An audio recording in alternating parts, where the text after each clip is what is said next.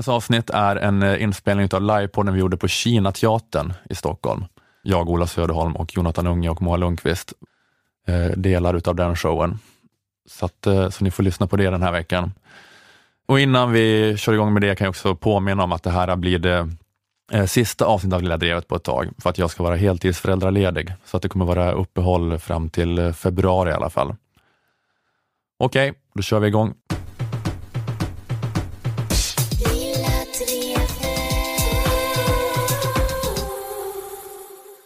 Moa berättade i pausen att Lisa Minovski har Miskovsky. stulit eh, låtar av henne. En låt har hon stulit av mig.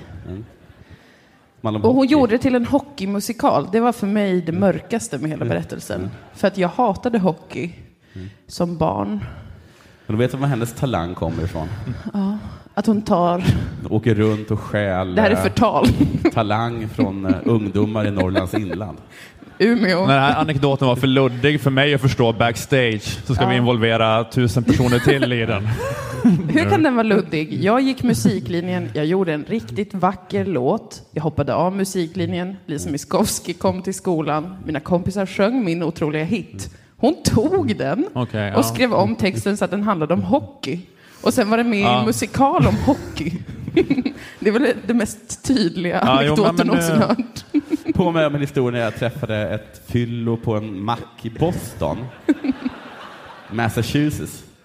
Och, han påstår att, han, att hans pappa hade uppfunnit det här locket på take away-muggar där man liksom tar en, en flirp och så liksom fäller man den bakåt. Ah, Wow, Ja. är min reaktion, för jag misstror honom inte. Så han också hade då gått på musiklinjen, Ja. kommit på den här flirpen. Ni måste tro på mig. För va- varför Det, skulle var, jag han, ljuga om de något fick sånt? inga pengar för det heller. Inte ett öre. Ja, det var därför Nej. han var alkis nu bara då. Ja, okej. Det är det som väntar mig också. Just det. Ja, precis. Ja, men just det, men det är faktiskt också min ingifte morbror kom på Globen också. Går på Globen? Ja. Alltså formen Men det var, det var någon som snodde det. Han kom på att vi bygger en glob, sa han. Och sen var det någon som tog det. Han... Eh...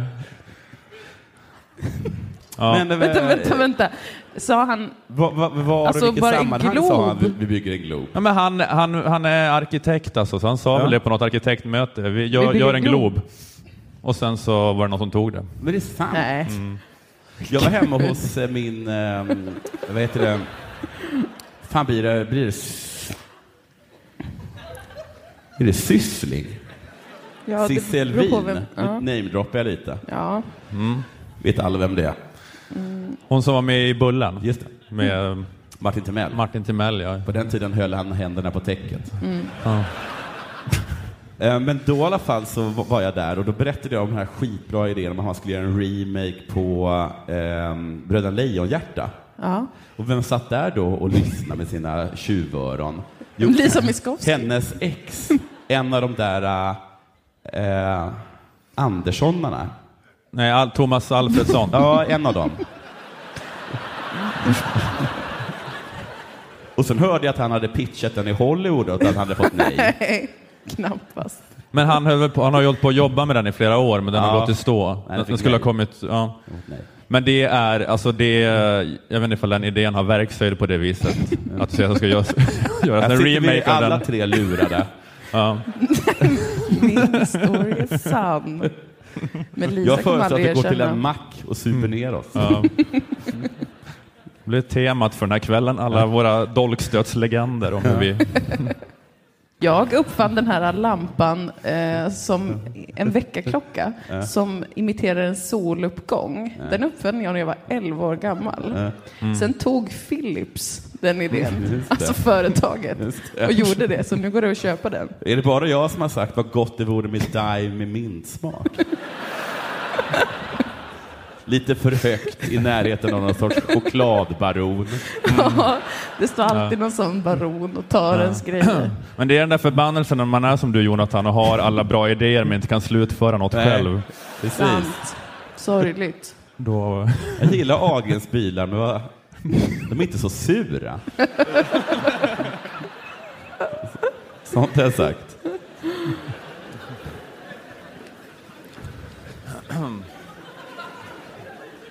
Varför inte en elektrisk bil? som man på fylla någon gång, visste man inte att det var Elon Musk då som... Okej. eh, Fredrik Segerfeldt, Ja. Ja. liberal opinionsbildare. Han är libertarian till och med, tror jag han kallar sig. Eh, Fredrik Segerfeldt, eh, han, jag hörde ett samtal med honom i Vetenskapsradion eh, Historia i P1, där han deltog med anledning av att han nyligen kommit ut med en ny bok som heter Den svarte mannens börda, nya perspektiv på kolonialism, rasism och slaveri, eh, utgiven på Timbro. Just det. Mm. Det- Var annars? Ja. Hisspitchen, den svarte mannens börda, funkar inte på natur och kultur. Nej. Så det, det får bli Timbro. Och de här nya perspektiven då på kolonialism, rasism och slaveri, det är då att det inte bara är vita europeer som ägnat sig åt imperialism och förslavande av andra folk. Men min poäng är att alltså, imperialism och kolonialism har varit normen i världshistorien, inte undantaget. Att en em, civilisationer som är på uppåtgående och som, som utökar sitt territorium har liksom varit regel. Och em, även slaveri har varit normen. Alltså, det är fel att reducera de här företeelserna till, till det västerländska sådana. Det är helt enkelt inte sant. Ja, men det är väldigt spännande nyheter. Det är väldigt spännande nyheter för alla som tror att historien om den västerländska kolonialismen är historien om att inga kan vara så onda som västerlänningar. Att det är därför den västerländska kolonialismen är intressant för oss i vår kontext, i den värld vi lever i. För att ingen annan kolonialism kan finnas egentligen. För inga andra kan vara så ondskefulla som vita människor. Alltså om det är det alla har gått runt och trott, då tillför verkligen Fredrik Segerfeldt något här. När han berättar om att Djingis khan, det var ju både det ena och det andra. What? När han drog runt och, Jag tycker mig höra en ton i din röst. och, eh, Försöker avkoda. och olika bantufolk i Västafrika, de bedrev imperiebyggande mot varandra innan européerna kom dit. Eh, han tillför ju något ifall det är folk inte vet om det. Jag har inte läst historia på universitet i Sverige, jag vet inte hur det är. Det kanske är så illa som alla de här Jordan Peterson-fansen säger, att man, man kallar inte Osmanska imperiet för impe- ett imperium, utan man kallar det för Osmanska självförsvaret. Eh, mot Habsburgarnas islamofobi. Kanske. Och då tillför verkligen Fredrik Segerfeldt något här. Men den andra gästen i det här radioprogrammet eh, det var e- etikprofessorn Göran Kolste, aktuell med boken Historisk rättvisa, som också då eh, handlar om de här frågorna. Och eh, med ett par av exemplen som han tar upp eh, i programmet är att det har varit olika slags processer om erkännande och upprättelse och kompensation kanske när det gäller när det gäller britt, eh, de två exemplen han tar upp, det är britternas slaktande under Mau Mau-upproret i Kenya på 50-talet och tyskarnas folkmord på Herero-folket i Namibia i början av 1900-talet. Det var alldeles nyligen någon slags ceremoni, eller vad, vad man ska kalla det, då representanter för Herero var i Berlin och fick hämta hem eh, skallar efter mördade ättlingar. Fruktansvärt. Du skrattar av chock. Jonathan blir så stressad ibland när det är för hemskt och då bara skrattar han. Det är det. Det är försvarsmekanism. Men eh, ett, vilken himla bra kompensation. Att allt man behöver göra är att återlämna lite skallar. Och två, vad ska de med dem till? Vet inte, det är väl så ibland att man vill ha tillbaka... eh, Skallar. ska, ja. Bra ändå. Att, eh, jag, jag Det här vet, folkmordet, låt men- mig kompensera er. Ett, ni får det här uh, kortet jag har på Espresso House med nio av tio köpta lattes. Ganska bra. Plus ett par skallar. ja. Ja, men det kan väl vara eh, så här, kan min farfar sluta vara museiföremål i Berlin? Det kan väl ändå vara ett steg på vägen, åtminstone. Hade de en namn? Men, eh, och det här, eh, ja, men, ja, det är hemskt. då. Och Segerfeldt tycker också att det här är hemskt. Men, det är hemskt. Ja, det, han tycker det är hemskt med, med Herero-folket. Men, men ett av Segerfeldts ärenden är då ändå att lyfta upp vår märkligt godtyckliga selektiva inställning när det gäller att resonera om historisk skuld. Bland annat apropå just Osmanska riket så tar han upp slavhandeln som ägde rum i nordafrikanska städer med vita kristna slavar. Eh, Att det enligt vissa uppskattningar kan ha varit upp mot typ en miljon människor totalt under 15, 16 och 1700-talet som förslavades på detta vis. Eh, däribland då också en del svenska sjömän. Jag har väldigt svårt att tro att man skulle bli tagen på allvar som svensk om man idag dök upp i Tripoli eller i Tunis eller i, i Alger och sa Hallå, ni förslavade våra sjömän i hundratusentals. Kan vi få pengar för det? Jag skulle väldigt gärna se den dokumentärserien då. Se en sån de delegation från Timbro. Reser runt i olika nordafrikanska städer och vill ha pengar. Ja, precis. Och uppföljaren, där en ny delegation åker och ber få skallarna från Timbro-delegationen.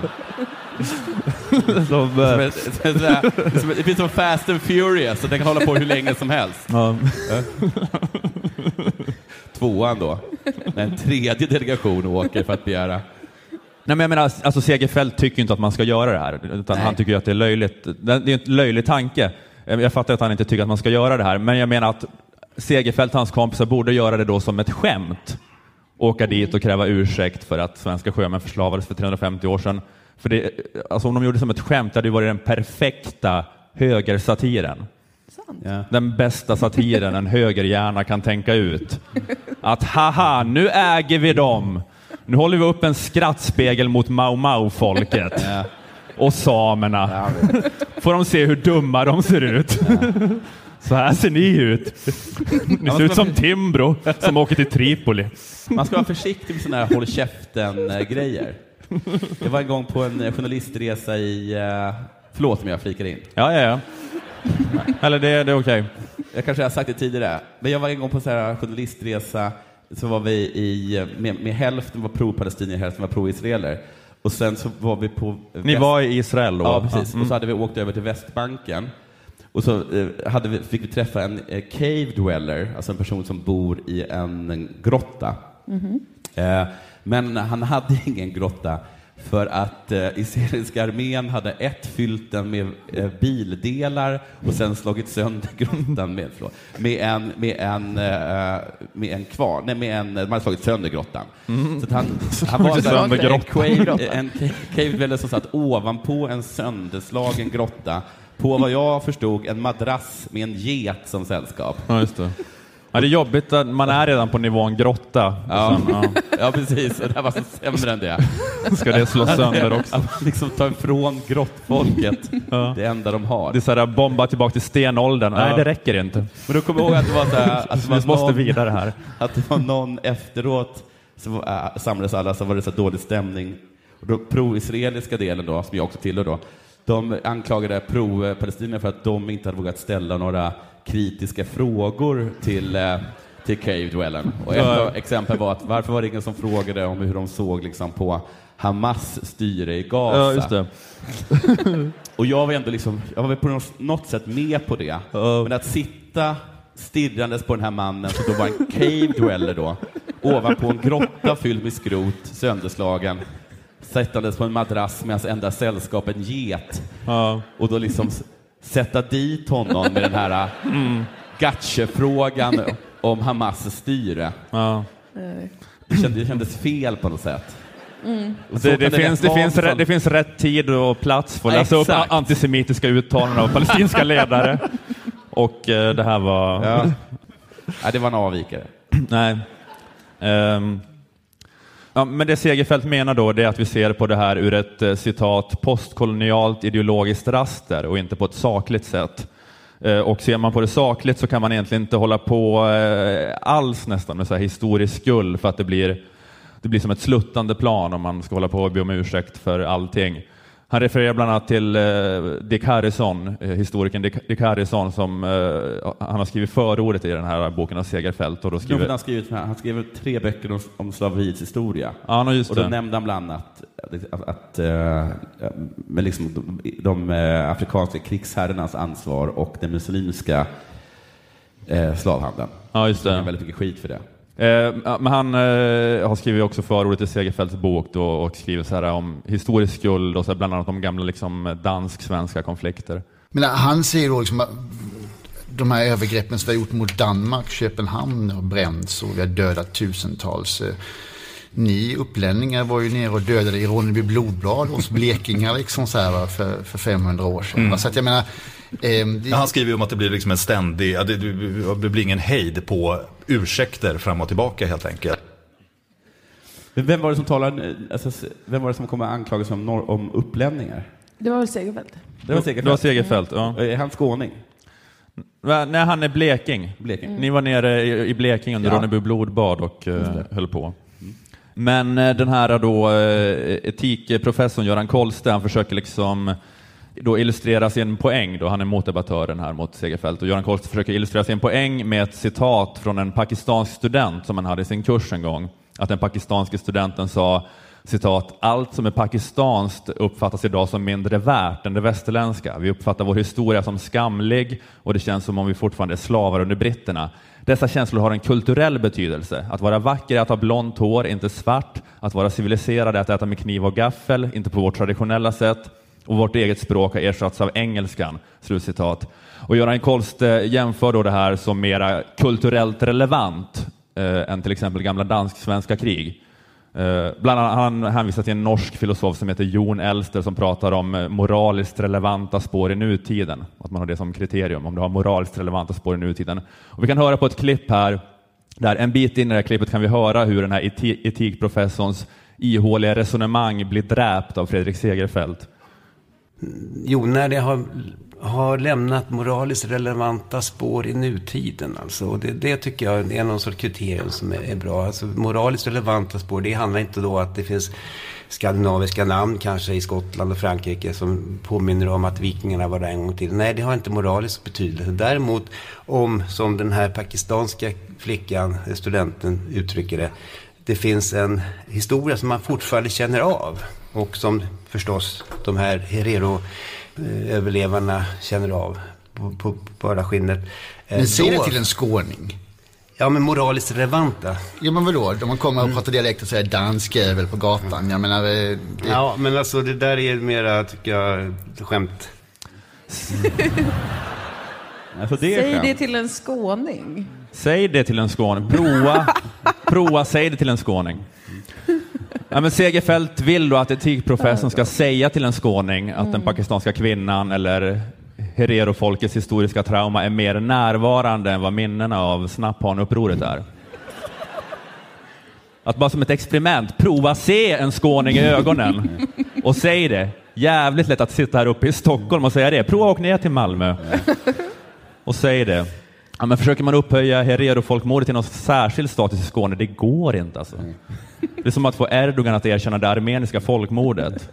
Om regeringen skulle proklamera att det var rätt att ge tillbaka skallarna, Skåne skulle bryta handelsrelationerna med Stockholm. Alltså. Vi kan, vi kan höra, höra igen här slutet. men säg det till en skåning. Ja, men moraliskt relevanta. Ja men vadå, om man kommer och pratar dialekt och säger dansk jävel på gatan. Jag menar, eh, det, Ja, men alltså det där är mera, tycker jag, skämt. Det är ett skämt. Men inte det där andra du pratade om. Men det är då att antingen ska man både lämna tillbaka Herero-folkets skallar och krigsbytet efter slaget vid Lund 1676. Eller så är båda sakerna ett skämt. Just det. Att det går inte att ha en sån dubbelstandard. Att det är det som är poängen, att lika lite eller lika mycket eh, som liksom historien av imperiers härjningar lever vidare i, i det globala syd, lever det vidare i det svenska syd. Som, att det, är, det bara hänger kvar. Det är som den ekonomiska ordningen, att en genomsnittlig skånsk arbetare har en tiondel så mycket köpkraft som en uppländsk arbetare.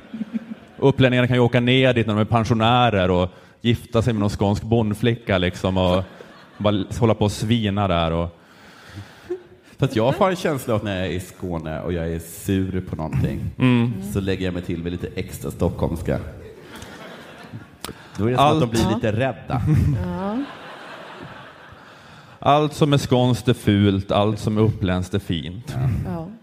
Säger man bulle om ett matbröd skrattar alla rått och säger det heter ju för alla. Och att vara vacker är att ha blont silkeslent hår som en upplänning. inte, inte rätt. Lortiga, stripiga skånska håret.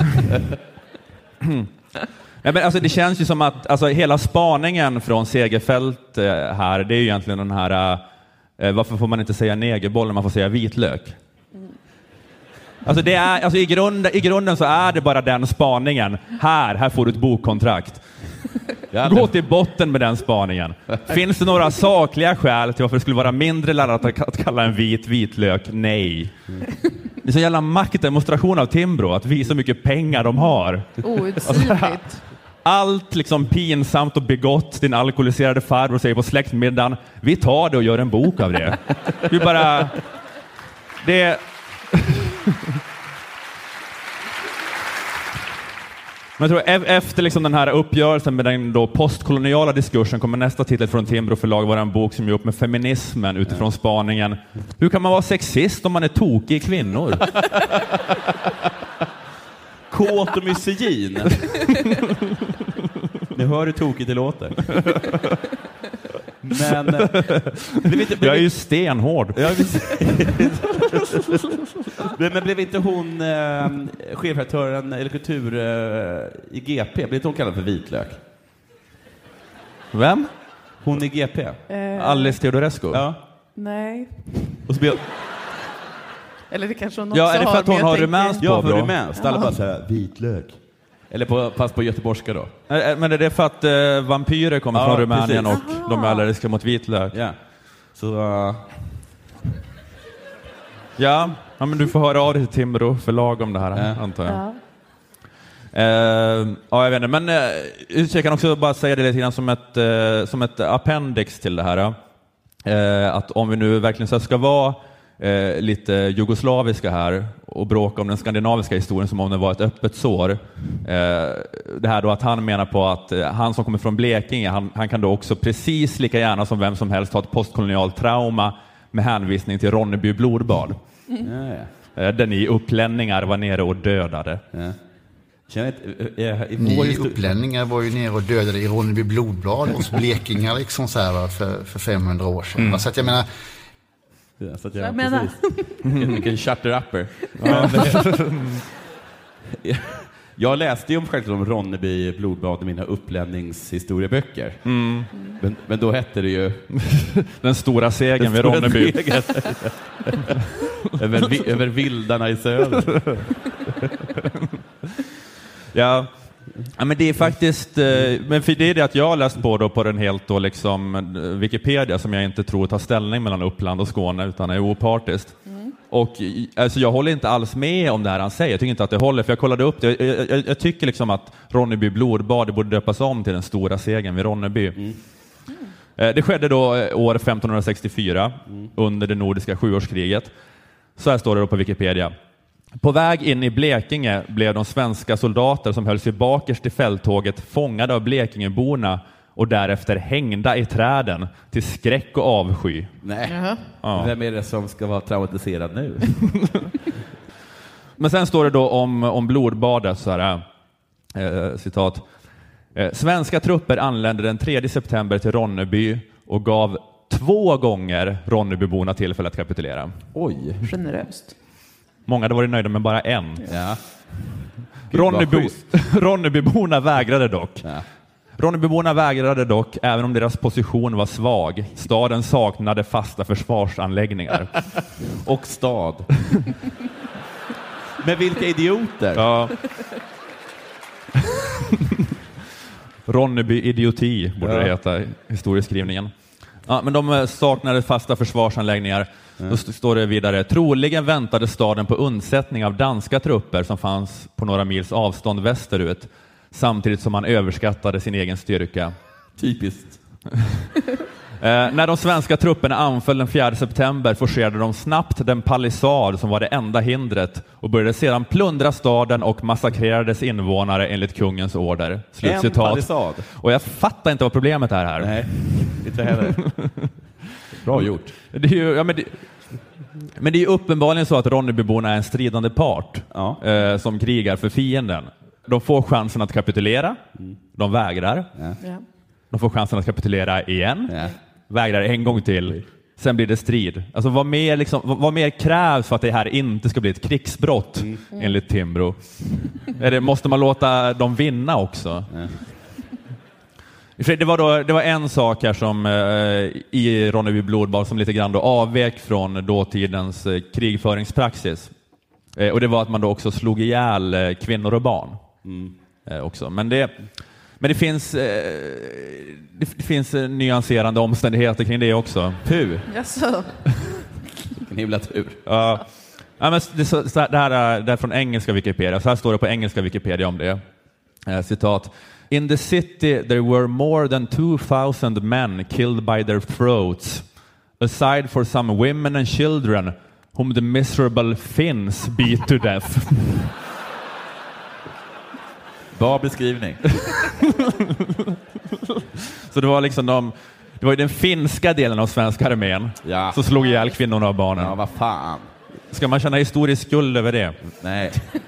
Prova, be- prova be- be- själv att finnar i din armé och kontrollera dem. Precis, försök själv. Det gamla ord för finnar är ju östdjur. Och att liksom att vi sitter här och ber om ursäkt för allting som finnarna har gjort i historien. Ja, ja då kommer ni aldrig hem ikväll. Det- går, ska man ha en genomgång innan slaget vilka man får slå ihjäl? Ja. De förstår ju inte vad man säger. Det är, liksom, det är helt hopplöst. Så att, eh, ja, Ja, precis. så inte det hölls någonstans.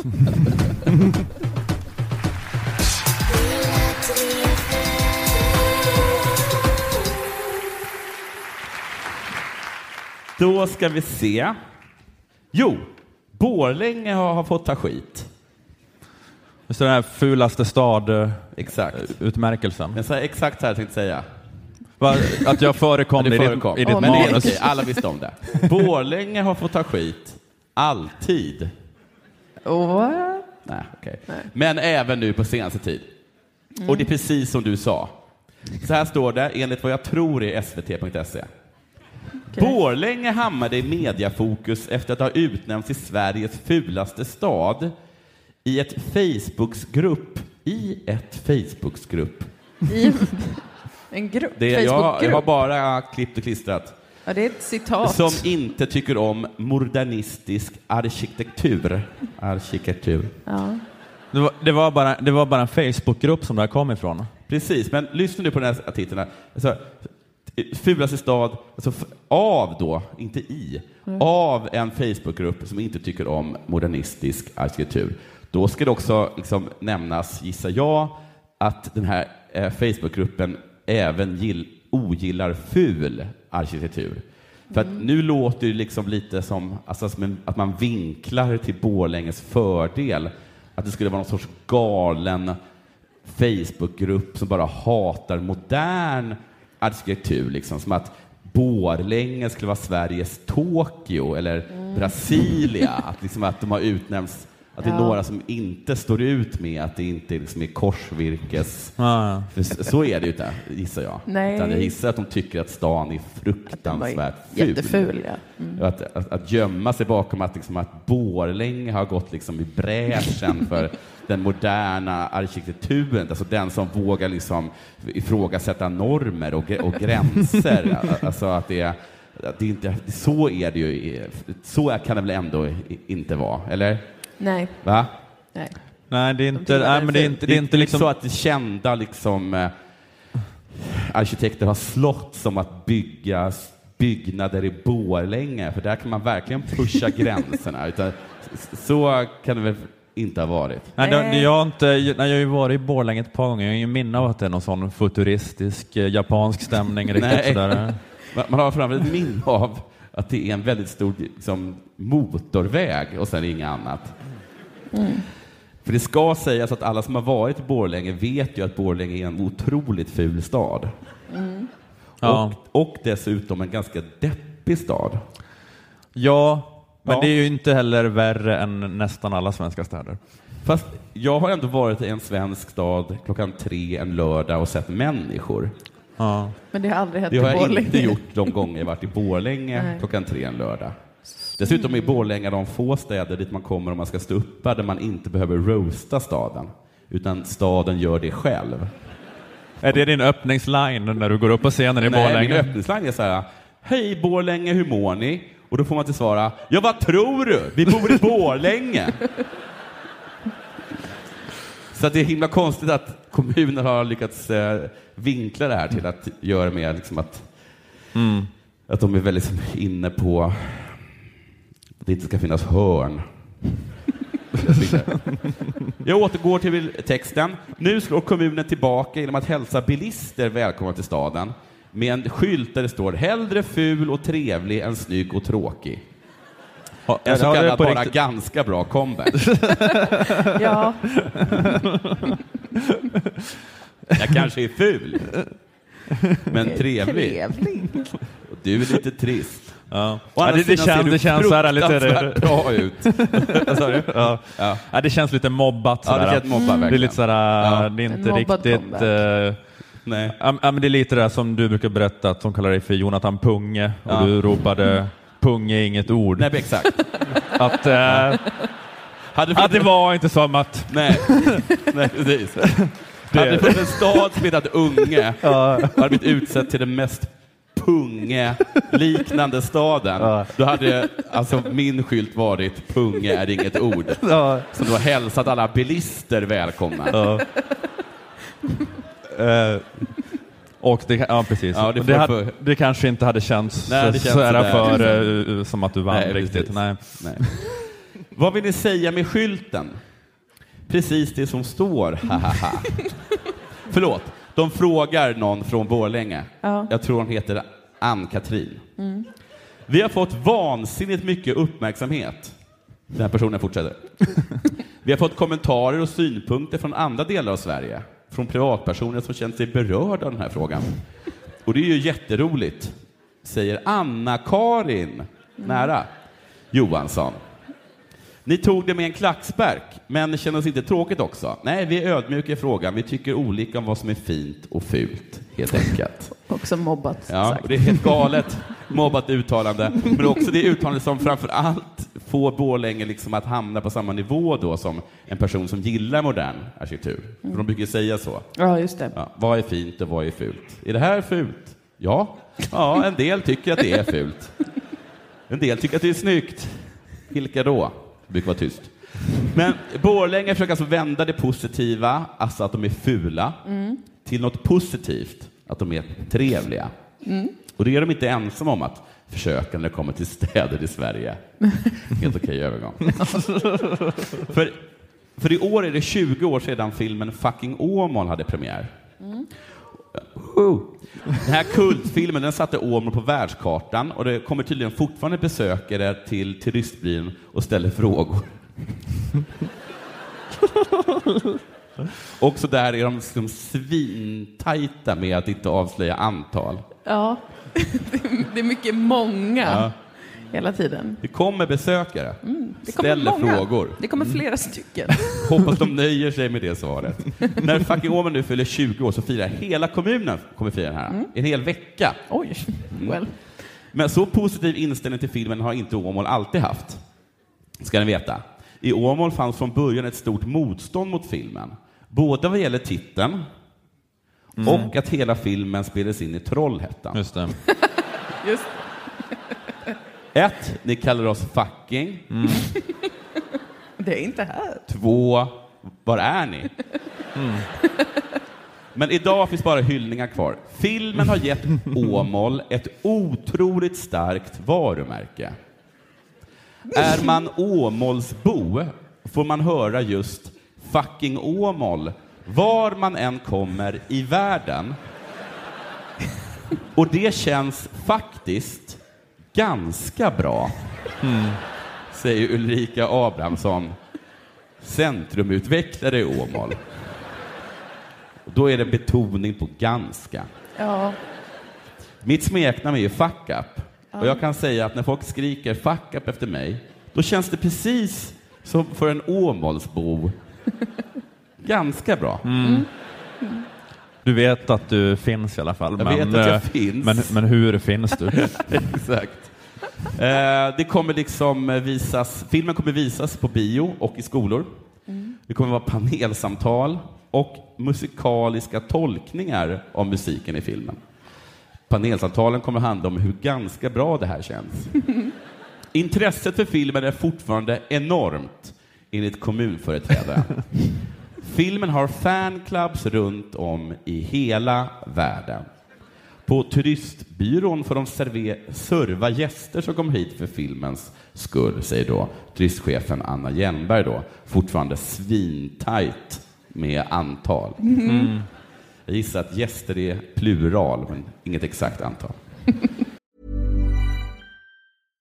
Hey, I'm Ryan Reynolds. At Mint Mobile, we like to do the opposite of what Big Wireless does. They charge you a lot, we charge you a little. So naturally, when they announced they'd be raising their prices due to inflation, we decided to deflate our prices due to not hating you. That's right. We're cutting the price of Mint Unlimited from $30 a month to just $15 a month. Give it a try at mintmobile.com slash switch. $45 upfront for three months plus taxes and fees. Promo for new customers for limited time. Unlimited more than 40 gigabytes per month. Slows. Full terms at mintmobile.com. Det är flera vad heter det, städer som har genomlevt liknande sådana saker som Borlänge och Åmål gjort. Tagit någonting negativt och gjort något positivt av det.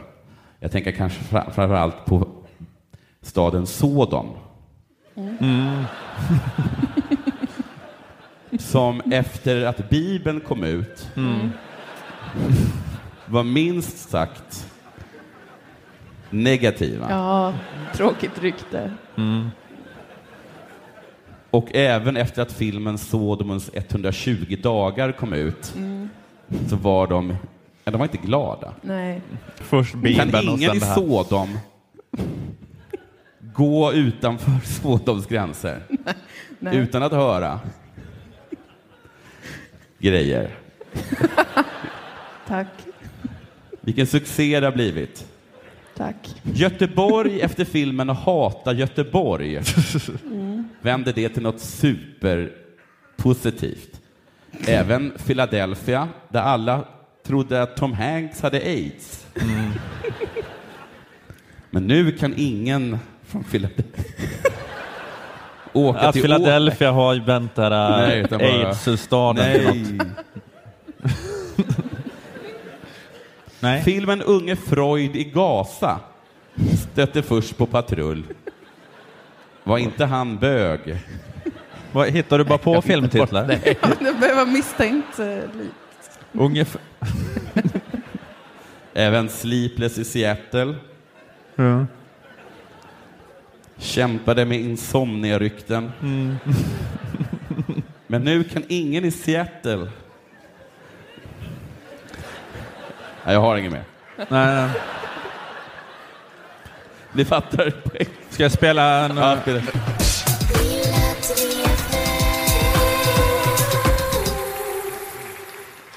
Vi avbryter showen för ett ögonblick här för att eh, meddela att Lilla Drevet kan göras tack vare våra sponsorer Akademikernas A-kassa och fackförbundet Jusek. Eh, Jusek är facket för dig som är jurist, ekonom, samhällsvetare, kommunikatör, personalvetare och systemvetare.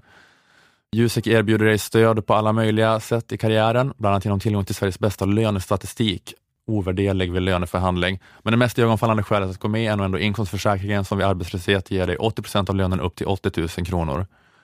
För att du ska få del av den krävs att du kombinerar Jusek-medlemskap med eh, att vara medlem i vår andra sponsor, Akademikernas A-kassa.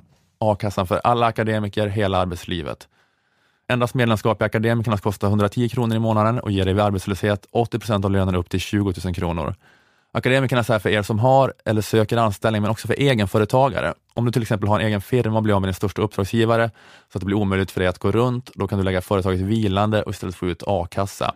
Läs mer på akademikernas.se om hur du gör för att gå med. Är du inte akademiker ska du självklart vara med i a-kassan ändå. Gå in på väljaakassa.se och hitta din a-kassa. Att vara med i Akademikernas och Ljuset kostar 361 kronor sammanlagt. Är du redan Akademikernas medlem lägger alltså bara till 251 kronor för att också få vara med i facket. Fast ännu mindre första året. Första året som yrkesverksam Jusek-medlem betalar du inte 251 i månaden utan endast 43 kronor i månaden. Läs mer och bli medlem på jusek.se.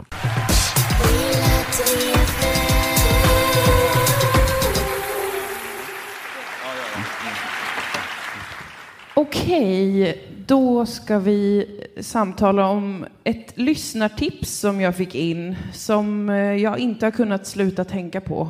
För det är alltså det märkligaste jag någonsin har hört talas om.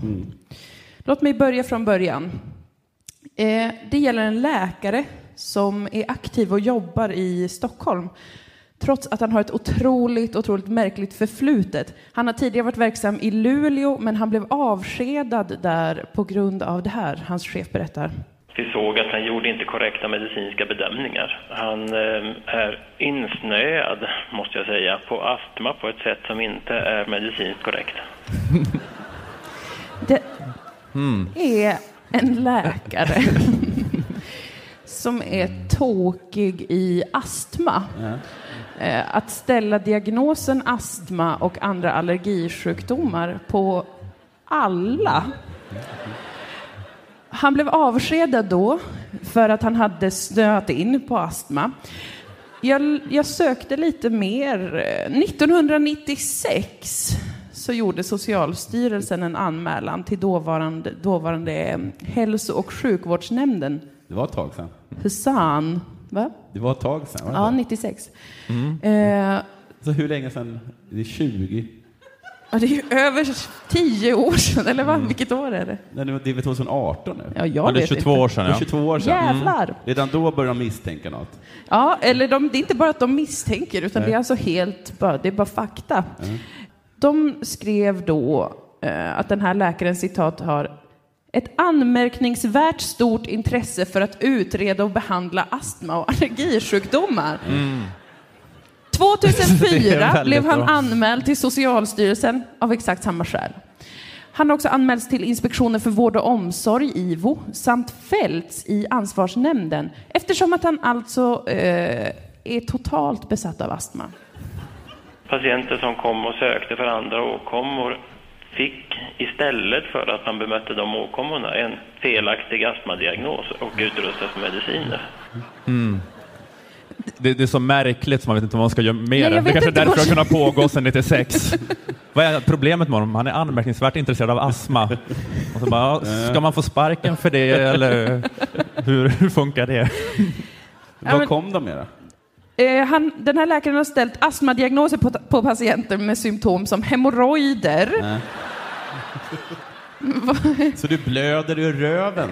Du verkar ha astma. Men eh, Testa. hur är du på att jogga? Känner du att det är tungt när du joggar?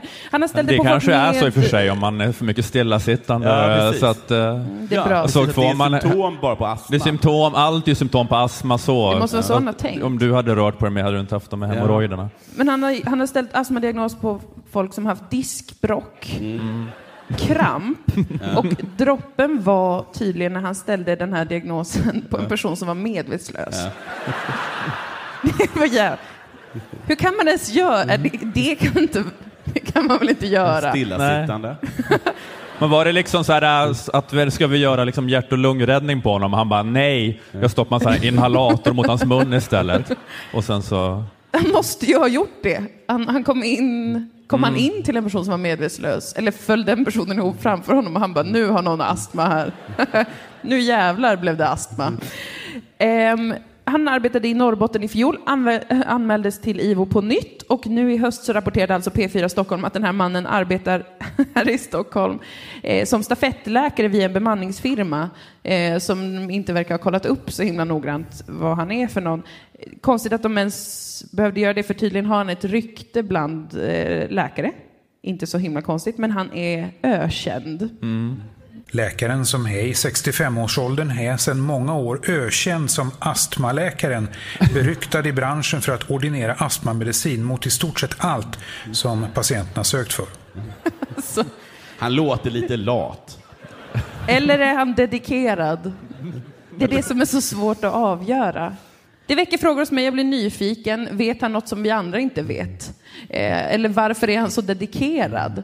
Eh, han kan inte bli av med sin legitimation verkar det som. För att man, bara, man kan inte det, att det är omöjligt att bli av med legitimationen fastän man ställer diagnosen astma på en medvetslös person.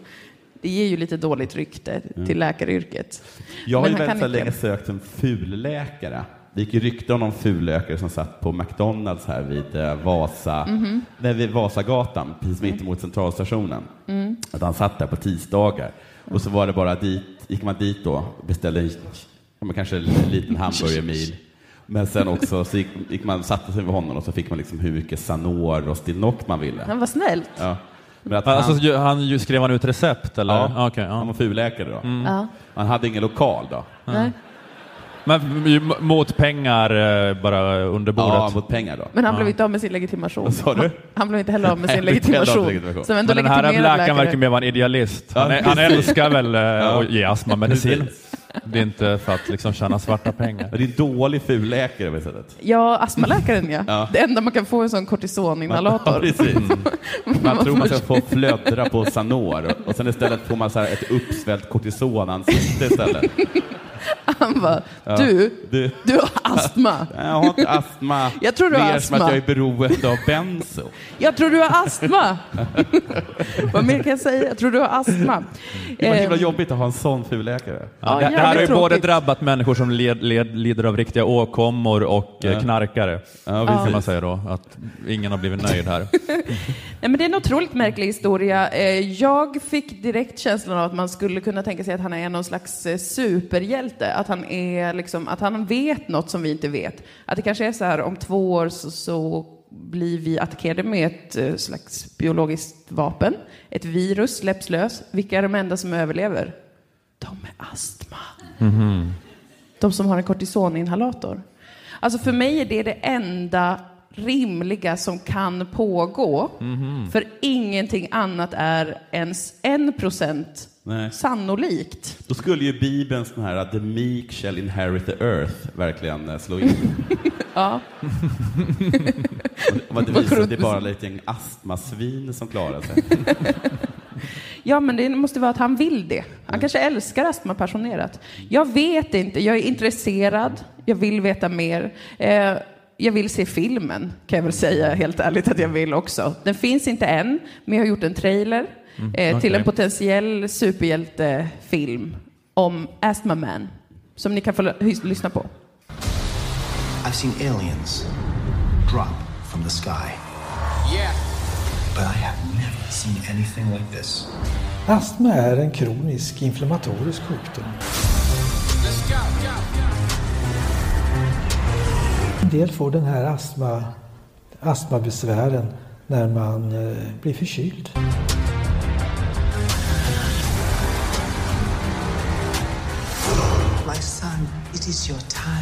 När det gäller ren medicinsk behandling så vill man hålla inflammationen nere. Och det gör man med kortisonpreparat som man inhalerar. Spännande. Ganska bra film. Ja.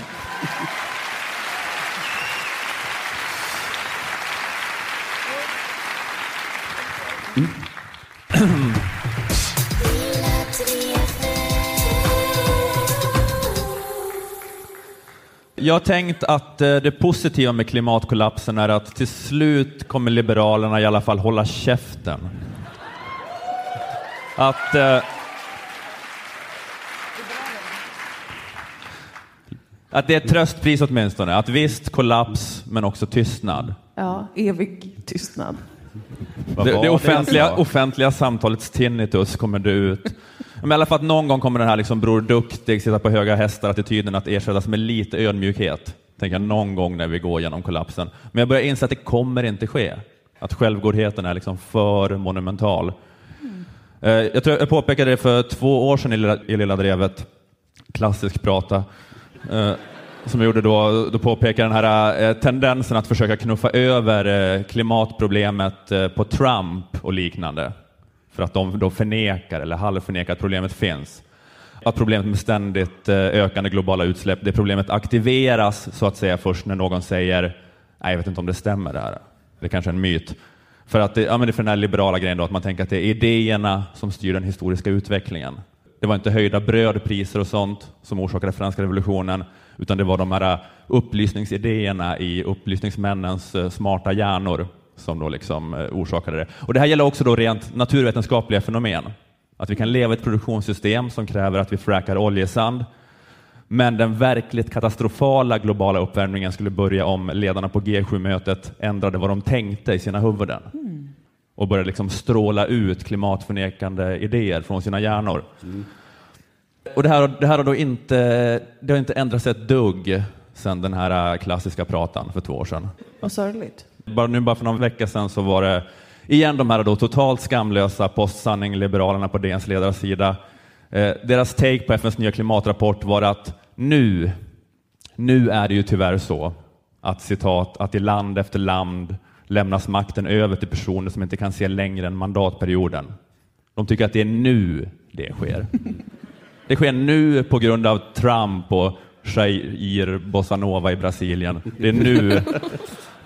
Eh, slänga in lite comedy där. Eh, nej, men att de, tycker, de tycker att, nu, att det är nu det sker. Nu plötsligt sker det att det finns ledare som prioriterar andra kortsiktiga ekonomiska mål framför långsiktig hållbar utveckling. Nu har det skett. Den här tiden då Obama, Merkel och Trudeau gjorde så att vi var i full karriär mot att minska utsläppen med 85 procent till 2045, den verkar tyvärr då vara förbi, konstaterar DN. Ja, men Sveriges utsläpp ökade med 4 procent förra året, men de gjorde inte det egentligen, för ingen klimatförnekare hade något att göra med svenska regeringsmakten. Men hade Jimmie Åkesson varit med i regeringsunderlaget, då hade kanske utsläppen ökat på riktigt också. Och, och det är inte så här fel i sak att det är hemskt då att eh, Jair Bolsonaros eh, ska skövla resten av Amazonas. Men liksom, om det är så här klimatkollaps på grund av decennier av politisk utveckling som DN-ledare bara gjort tummen upp till, borde man inte skriva om det här i bara lite annorlunda tonläge? Något annorlunda tonläge. Det var det jag hoppades på som tröstspris liksom, medan allt brinner upp. Bara Att- pyttelite annorlunda ton på DNs ledarsida. Varför kan du Men jag inte få insett det? att, eh, ja, men, men, alltså, ja, men det är liksom, att, att, att vara liberal och skylla klimatkrisen på högerpopulismen, det är ungefär som att vara al-Qaida och skylla problem med religiös extremism på IS. Alltså, att, okej, den rörelsen ni pekar på, den är snäppet mer grotesk kanske. Vi blir, vi blir liksom inte automatiskt det goda laget för det. Och jag vet att det ingår då i den här liksom självgoda liberalismens DNA att, eh, att allt gärna ska vara en melodram eh, om kampen mellan ont och gott, så här som Hollywood-versionen av andra världskriget. Eh, men att det är svårt att pressa in klimatfrågan i det narrativet. Eh, Björn Wiman skriver också om det på, på DNs kultursida, om den framväxande högerradikalismen som det stora hotet mot klimatet. Han skriver citat på den ena sidan står vi som älskar livet. Vänta, vem sa det? Vem sa det? Björn Wiman. Eh, Jag Björn vill Wimans inte he- räknas in i hans helt gäng. rimliga tonläge. På den ena sidan står vi som älskar livet. På den andra står en irrationell apokalyptisk högerradikalism som kan vara på väg att driva civilisationen mot dess undergång. Och det är bara, ja, men det är bara något med så här, att se på teknikindustrialismens 200-åriga historia på det här viset att av alla då dolkhugg i civilisationen har vi som älskar livet stått för de första 500. Och sen kommer då eh, Trump och Bolsonaro och gör det sista och vi bara, vad fan håller ni på med? Vi älskar ju Ni har ju livet. dödat den. Eh, Men det är det här som jag börjar, jag börjar liksom bli allt mer rädd för det här, att, eh, att det här kommer vara Liberalernas talepunkt genom hela kollapsen. Att Oh. fan, vi var precis på väg att lösa det här. Sen kom ju då Åkesson och, och Trump. Men jag har en sån mardrömsbild av framtiden att, att jag och hela DNs redaktion, vi kommer stå ute på något fält och gräva vår egen massgrav. Eh, att vi har alla så blivit dömda för att vi är kulturmarxistiska folkfiender. Och där, när vi har grävt klart så ska vi då få ställa upp oss på kanten till graven så att vi kan bli skjutna i bakhuvudet och trilla ner i, i hålet. Och, Här står vi som älskar livet. ja, och med, ja, men det, Vad ironiskt. Ja, men det kommer vara så, medan vi står där och gräver så kommer de här DN-personerna vända sig till mig och säga Ja, det ser du Ola. Det blev Handmaid's Tale. och, och då kommer jag säga, om det- är det är klart som fan att det blev Handmaid's Tale.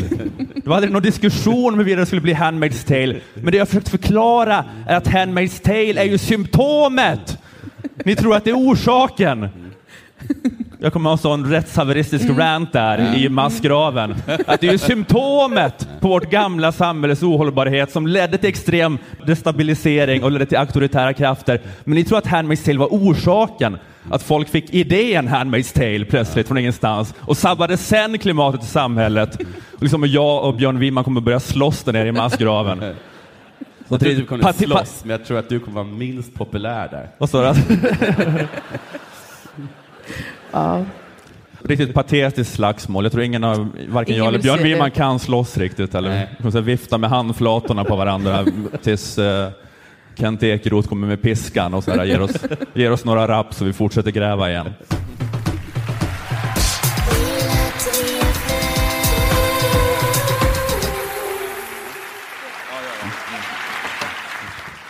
För ungefär två år sedan så gjorde jag ett inslag i Lilla Drevet om att Lundin Petroleums VD Alex Schneider och ordförande Ian Lundin delgivits misstanke om medhjälp till grovt folkrättsbrott.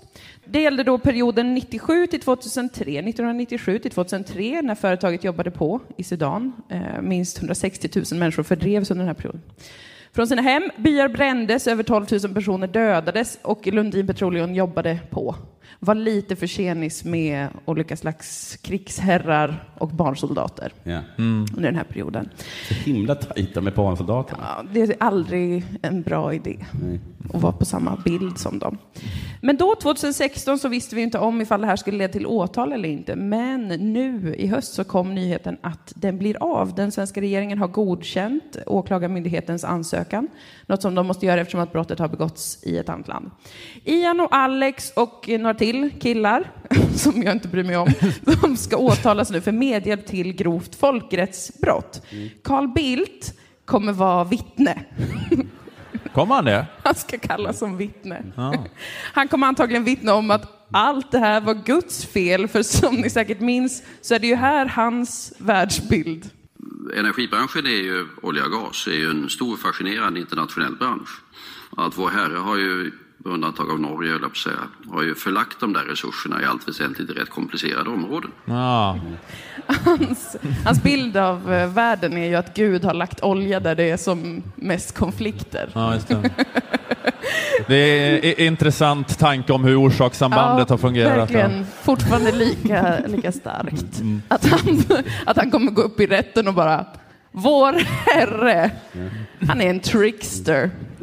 Han lägger ju olja där det är som jävligast. Och hur ska man få upp oljan? Man måste ju gå in där det är krig då. Vad är, Ian, vad är det Ian Lundin är åtalad för? Att han inte är mäktigare än Gud? Ni kan är det inte det ni vill döma honom för för? Oroa dig inte, jag fick ett karaktärsvittne. Carl Bildt. Det här åtalet är så att säga stort rent historiskt. Det är första gången sedan Nürnbergrättegångarna som vi ska få se företagsledare stå åtalade för då krigsbrott som det här är. Oj, Och det är- gäller alltså, vad sa du? Är det sant alltså? Det är ändå, ja. Det är ändå Jajamän. mäktigt. Att det är liksom nazistföretagare och sen är det ingenting, ingenting, Ingenting. ingenting, ingenting, sen typ Carl Bildt. Ja, ett steg från Carl Bildt. Det är ändå, det är ändå Det är mäktigt. ganska Ja. speciellt. Men jag vet inte om mäktigt var av rätt ord. ägaren till Cyklon B-fabriken. Jo, båda anklagade för folkrättsbrott. Det är sån one, ett sånt skämt som Ian kan säga. Ja, precis. Det här gäller ju då alltså vårt kära svenska Lundin Petroleum som startades av Adolf H Lundin. Ja. Är inte det för sjukt? Är inte det lite väl ändå? När var han Är, är, född? det- är han inte också, han är född med så här väldigt eh, misstänksam, är misstänksamt år född? att vara född och bli döpt till Adolf. Jag vet inte. Säkert väldigt misstänkt. Ja. men säkert sen 1949. Alltså, Alltså äh, äh, efter andra världskriget? Ja, men jag får mig att det är något så här helt, alltså det var, v- okej. 33. 33. 33. Ja, men då- ja, men då är det. det Ja, just det, men då... De hette inte Adolf då? Men då var det Jag- jag ändå... kan men inte då, historia, jag är bara en vanlig tjej, 30, så att 33, snälla. var väl, då, 33 var väl Adolf Hitler det, det nya stjärnskottet? Eller Ja. hur? Då hade han väl gripit makten precis. Så att Ja. här har vi en riktigt stark och kysk tysk, liksom, Ja. kanske man tyckte inom den svenska överklassen. Eh, och, ja. Lilla Adolf H Lundin. Det kommer bli något stort av dig, sa man. Mitt namn är Adolf H. Va? Ah, förlåt, Lund- Lundin. Adolf H Lundin, självklart.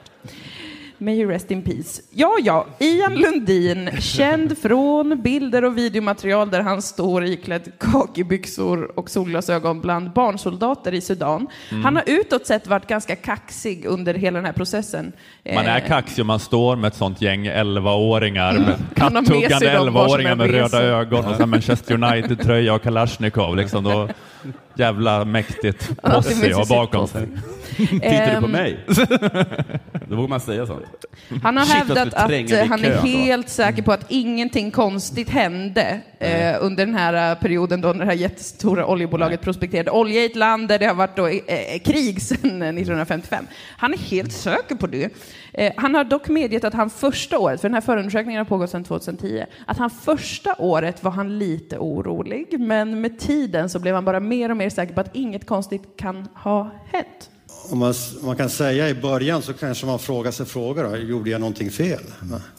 Men efter åtta år kan jag säga att jag är helt hundra procent säker att jag inte gjort någonting fel. Nej. Så är jag också med om jag glömt eh, stänga av min ugn. Mm.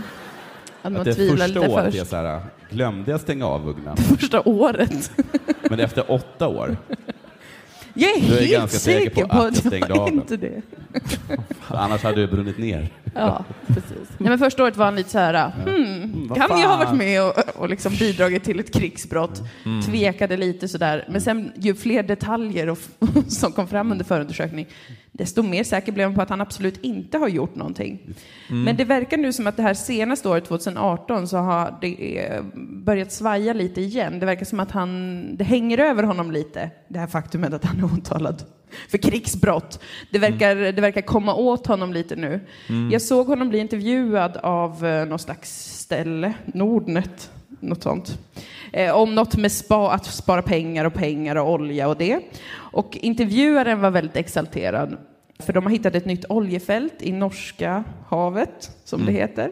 Eh, och det, det oljefältet kallas Johan Sve- Sverdrup och alla är jätteglada för det. Lundin Petroleum har köpt in sig i det fältet och han var med i, det här, eh, i den här intervjun för att prata om det. Och intervjuaren var väldigt peppad, men jag tycker ändå att man kan höra att Ian är lite avtrubbad i alla fall. Det kommer alltså komma i produktion i slutet av 2019. Eh, Det är ett enormt projekt. Vet, du kanske kan visa en film eh, om det? Vi ska göra det, för Okej. fältet heter Johan Svedrup. Och eh, vi ska se på en film som är magisk. Det är lite varning för gåshud här nu faktiskt. Så vi kikar på den. Och det här var liksom bara bilder på oljeriggarna. Ja. Och Ja. Ian bara satt som en död blick. Ja, det, så och jobbigt, intervjuaren bara oh, oh, oh, oh, gåshud. jobbigt när man inte kan njuta av sådana magiska panoreringar över oljeriggar för man tänker på att man är åtalad för folkrättsbrott. Ja, det är så deppigt. Att det är något som bara lägger sordin på allt hela tiden. Det drar Varför ner är du så hela nere för Ian? Ja, jag är åtalad inte vara för något glad. grovt folkrättsbrott. Nej. Det är det här med folkmord då. Låt mig vara. Det är en svår tid för honom. Ehm, han, eh, det hänger över honom och den här intervjun... Att du aldrig kan bjuda till nu för tiden, Ian. Så stel Ian. Det är det här Nej, men det är med det att här. vara delaktig i krigsbrott. eh, men den här intervjun pågick så här väldigt länge att Ja. Ian bara satt så tom och intervjuaren var så här det här oljefältet, visst får man gåshud? Och Ian bara, ja, Mm. absolut. Det får man. Och sen så försöker kom muntra till upp det. Ian med det som brukar vara det bästa han vet. Ja, han brukar vara helt tokig när det kommer till hans olja på och det. Johan Svederup. Han brukar bara dansa och sjunga när han ser det, men nu satt han bara ihålig och sorgsen. Och sen så kom det också i den här intervjun frågorna om det som hänger över honom. Eh, det här med krigsbrottet. Då. Du pratar själv om romantik och, det är klart det finns en stor romantik kring oljebusinessen och råvarubusinessen. Men det finns ju också en lite tuffare sida och det är det att det har pågått en förundersökning nästan ett år nu mot dig personligen om folkrättsbrott i Sudan. Han låter som en NHL-stjärna. Som att, ja, många tror att det är mycket så här status, romantik. Liksom. Men så finns det ju också den här, den här mörkare sidan. Med barnsoldaterna. Alla, alla vet ju Alla om bara, liksom romantiken "Åh, med oljebusiness. Med oljeindustrin har ingen sagt. Sen finns det det här. Många glömmer bort den tuffare sidan Ja, och vara Ja. åtalad för eh, folkrättsbrott. Ehm, Ganska han tufft att gå ner på stan och köpa tjack åt sina barnsoldater. Liksom. Ja. Klockan 00. Han ser ner Det på är inget att tänka på, utan det är bara romantik. Då. Nej, men det blev, den här intervjun blev då väldigt eh, mycket mer deprimerande eftersom att eh, Ian var tvungen att svara på frågor om det här eh, och han pågick ganska länge om det. Intervjuaren eh, ville inte ställa det. Jag vet inte varför, kanske för att han sen erkände att han själv var ett fan av Ian Lundin och eh, Lundin Petroleum. Men Ja, det kändes ju väldigt eh, som att det var en, en intervju där det inte skulle komma tuffa frågor. Precis. Att han älskar Ian, älskar olja, Ja. älskar romantiken kring olja. Men Ja. sen så slänger han ändå in folkrättsbrott där. Ja, jag undrar om han har blivit tvingad att göra det av någon anledning. Alltså att ställa de här frågorna. Ja, eh, för? Ian börjar, börjar, jag vet inte, men kanske för att det är så här, du kan inte inte fråga om det här med att han har blivit...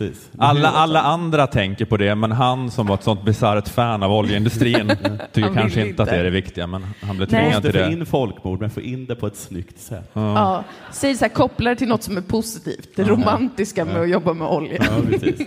och att det finns ju alltid något negativt med varje jobb. Ja, precis. Det är yin och yang. Ja. Eh, nej men så, för Ian gick in i sig själv ganska mycket och började berätta om eh, hur han känner att han har fått en kniv i ryggen av svenska regeringen för att de har godkänt åtalet. För han tycker att de eh, satte en kniv i ryggen på honom då helt enkelt. Så han gick in i sig själv, började prata om det, började prata om allt som de hade gjort som var bra i Sudan. Eh, och då blev den här intervjuaren också lite nervös och försökte få tillbaka det på en positiv not. Ungdomsarbetslösheten har sjunkit något enormt. 100 procent har sjunkit.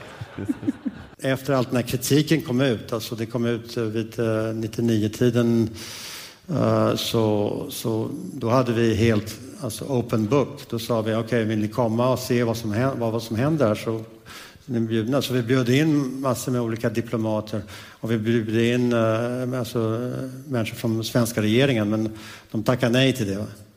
Så, eh, eller svarade aldrig på, på inbjudningen.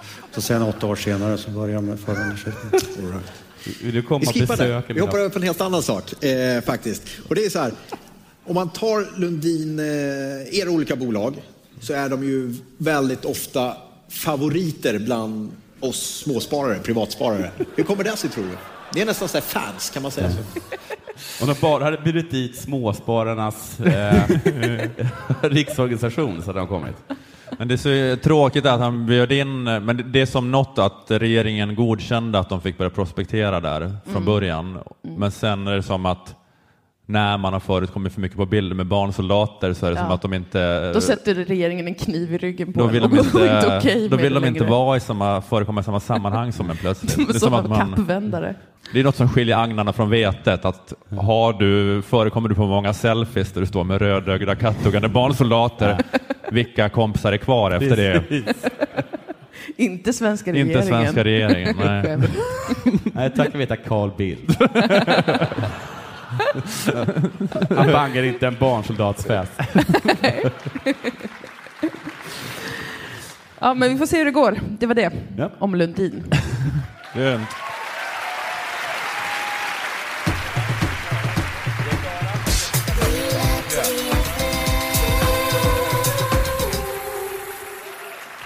Just det. Ja, just det. Mm. Ja, jag kan sjunga den. De vill höra en Det, jingel. det stod spela Inger Arnander. Mm. Den är en oproportionerlig reaktion. Äntligen kommer något bra. Det går så här i alla fall. De har fått höra allt det tråkiga nya materialet. Nu kommer äntligen en hitlåt. Precis. Efter två timmar. Eric Clapton går upp och bara, när ska den där grejen om din döda son komma? Han har också andra hits. Eller har han det? Ja, säkert. Jag vet inte. Inger Arenander, världens bästa Arenander. Är det? Ja, den är bra. Vad synd att Cecilia Uddén inte har blivit en lika bra hit. Har du gjort den om Cecilia Ja, Uddén? så gjort. Kör den. ja, det kan vi göra. För den har verkligen inte satt Alltid sig. på plats och aldrig för sen. Cecilia Uddén. Va? Den är ju en ännu större hit. Ja, jättebra. Ja. Ja, Den den, är var, den var inte det sänke vi hade befarat. Den, Nej, den verkligen inte. funkar ganska bra. Men är vi eh, klara? Eller ska jag köra min dåliga jag pratar? Nej, vi Vad svarar de ja på om vi är klara? Eller vad? Är vi klara? är vi klara? Nej. Va? Okej, men den här strök vi alltså. Ja. Med tanke på hur bra allt annat har varit. Så här var en rubrik på Sveriges Radio senast. WWF. Hälften av alla ryggradsdjur är borta. blir man alldeles förskräckt Mm. när man hör det. Först får man en känsla av att WWF är lite dement. Att de är sådana som alla är borta. Så vilka då? Ryggradsdjuren, de var här. Ja. Och sen så börjar WWF då misstänkliggöra killen från hemtjänsten då som såklart heter Ali. Och man himlar på ögonen, men efter en snabb undersökning, det visar sig stämma. Det var Ali. Sen inser man att det var rasistiskt och att VFF, eller VV, WWF. WWF, va? World Wildlife. World, World, eh, World, World Wildlife. World Wildlife Foundation, va? Just det. Man har tappat intresse vid andra W. Det var så svårt att göra sig intressanta. Men först då, för att gå igenom på den här nyheten. Vad är ett ryggradsdjur och hur allvarligt är läget? Ryggradsdjur är enligt Wikipedia käklösa fiskar, benfiskar, broskfiskar, kräldjur, fåglar, groddjur. Och hittills är det här en lista man kan leva med. Ja. Att, att de, är- att, de- att de är Att de borta? inte finns. Ah, okej. Oj, vad tråkigt Mm. att käklösa fiskar inte existerar. Om de någonsin har funnits. För det där är en konspirationsteori jag skulle ta rygg på direkt. Att käklösa fiskar och att de ska ex- existera, det är något som bögarna och judarna har dragit till med. Men vem vet?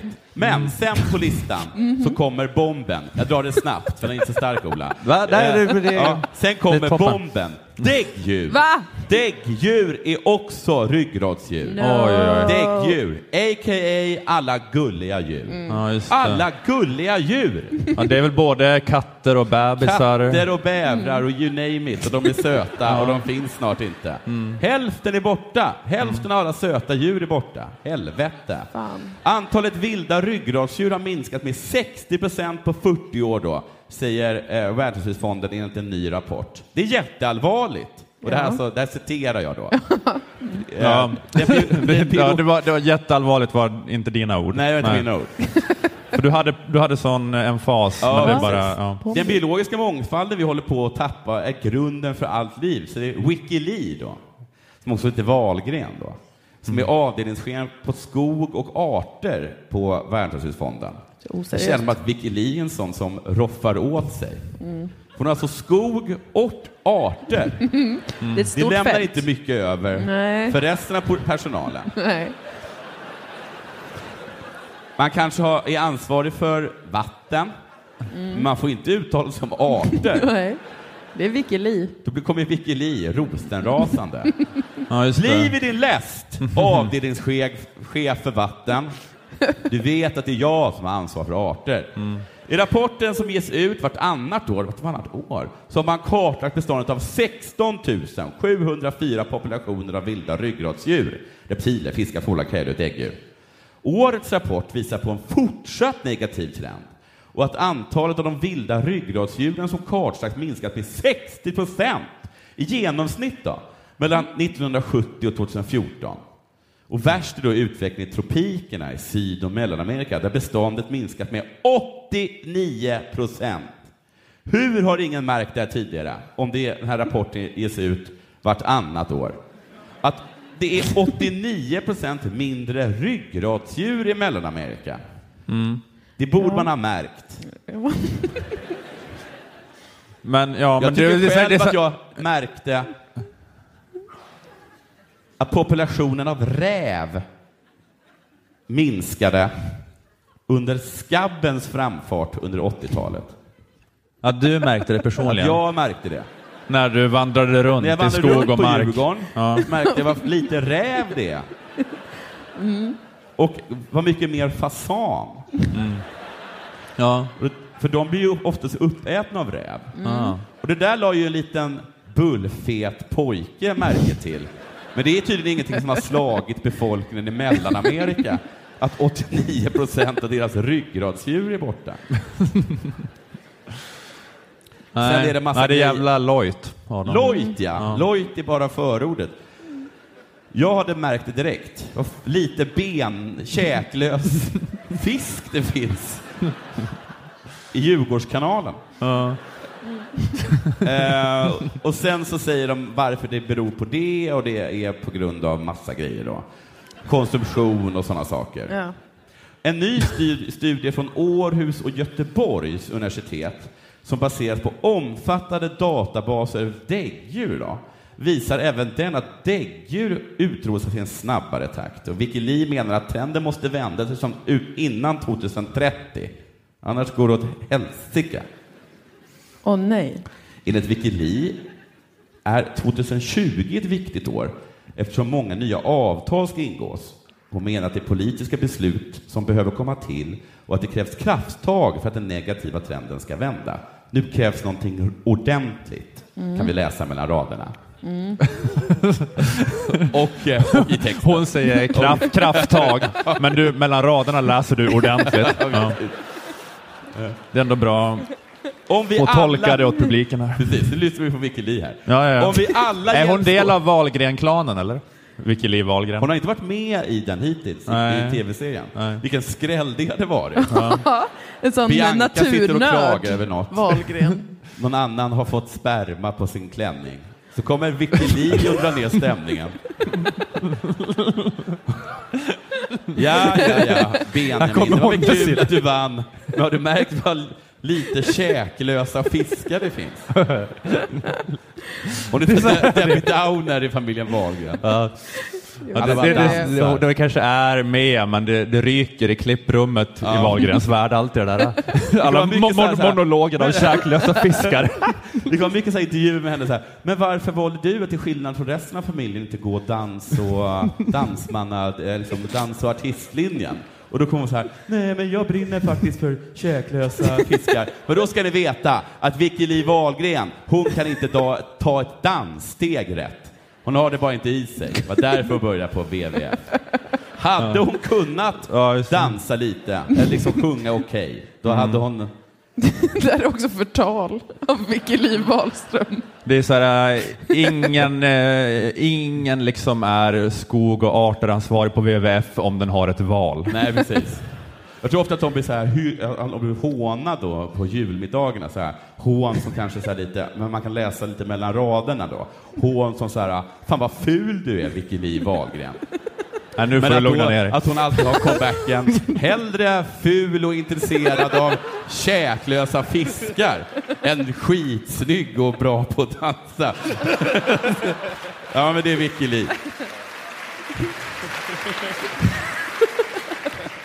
Ja, men så här säger hon då. Det tragiska svarta fåret i familjen Wahlgren. Ja. Att eh, om vi alla hjälps åt, om vi kan få till ett starkt, ambitiöst, bindande avtal. Det är vad vi behöver. Ungefär som ett Parisavtal. Ja. Och då direkt tappar mig, är du dum i huvudet Vicky Li? Parisavtalet var väl precis motsatsen till ett starkt, ambitiöst, bindande avtal. Det. Så jag tror att vi, precis som Vicky Li, får ta och svälja det här pillret. Det är kört liksom. Det är kört. Okej. Därför så får vi rädda vad som räddas kan. Och därför så krävs det prioritering. Jag har gjort en liten lätt lista. Mm. Vi behåller Alltså, du- du pandan, va? Ja, förlåt. Ja. Pandan, ja, du har en lista på de som ska räddas. Vi kan inte behålla andan. Nej. Vi behåller pandan. Du är som, eh, du är, du är Noa nu i Bibeln. Ja, nu är jag som Noa. Nu är det din ark här. Det är en ark. Ja, jo, vi kan få vara med på Jonathans Precis. ark. Vi börjar med att baxa upp den här jävla björnen som vägrar knulla. Ja, just det. Ja. Men att det är som ett, det vore pinsamt om vi går upp på pandan så mycket resurser vi lagt ner på det enda djur som är uttalat Ja, just det. självmordsbenäget. Liksom. Precis. Ja, Ja, det är jobbigt det där. Det är, det är lite grann som så här, har investerat all sin prestige i att, eh, att Sture Bergvall är en massmördare. Ja, precis. Det är det vi har hamnat i med att försöka rädda pandan. Att det, är en, eh, Det bra det, blir, blir, blir värre och värre ju längre tid det tar innan vi erkänner att det är Ja. hopplöst, men vi Ja. kan inte sluta. Jag säger ökenräven. Mm. Mm. Den har så stora öron Mm, söt.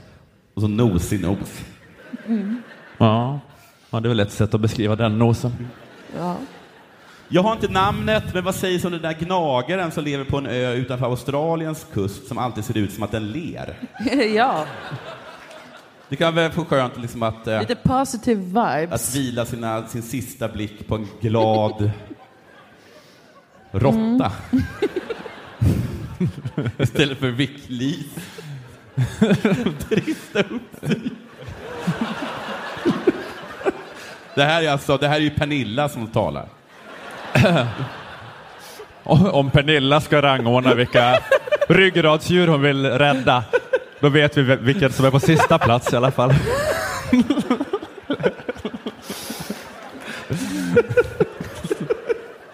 Jag tar Bianca, Benjamin, Ökenräven Pandan. och det är väl allt vi har plats för. Nej, men dvärgpandor då? Mm. Sälar? Okej. Ja, jo.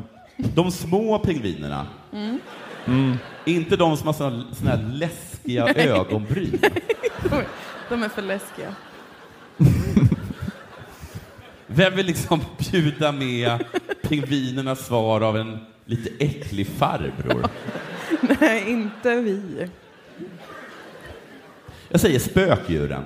Mm, söta. Och så säger jag småapor. Är är det Herre Nilsson-apan? Nej. Nej. Nej, nej, nej. nej. Eller jo. Ja. Men kanske framförallt dvärgsilkesapan. Ja. Okej. Gud vad svårt det är. Ja. Ja. Vet du hur många du får ta med? Nej.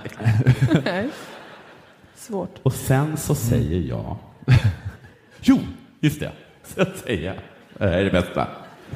Sen tar vi med mårdhunden. Som en sista taskspark på Miljöpartiet. Alltså det djur Miljöpartiet inte vill ska leva. Ja. Det tar vi med. Det blir kul. Det blir ett bra skämt. Ja, precis. Va? Vi hade Men jag, kunnat... fattar, men jag, jag har aldrig hört talas om det här. Ja, men de hatar ju mårdhunden, för det är en sån invasiv art. Liksom, Fridolin har stått och hållit, eh, Ah. tror jag, hattal mot mårdhunden då. Ja, just det. Och sen så tvingar vi då Fridolin och den andra då att, vad heter det, stå där på FN och läsa upp alla då som kommer överleva. Alltså, Måste de läsa motiveringen Benjamin, också? Bianca, ökenräven, gnagaren som alltid ler, pandan, dvärgpandor, sälar, inga fula pingviner, spökdjur och sen bara gulp, mårdhunden! Och så börjar alla skratta och så tar man det och så blir det det sista virala klippet på internet. Med, ja just det. Med Fridolin som vi, liksom, vi håller en pistol mot hans huvud och tvingar läsa upp morden.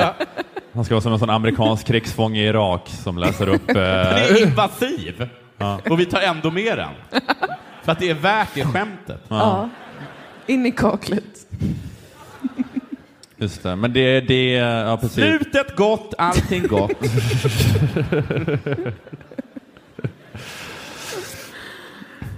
Mm, ja. Ja, det var det. Ja, men det, det är jätte... Ja, det var, Det var väl bra. Ja, det var superkul. Uh,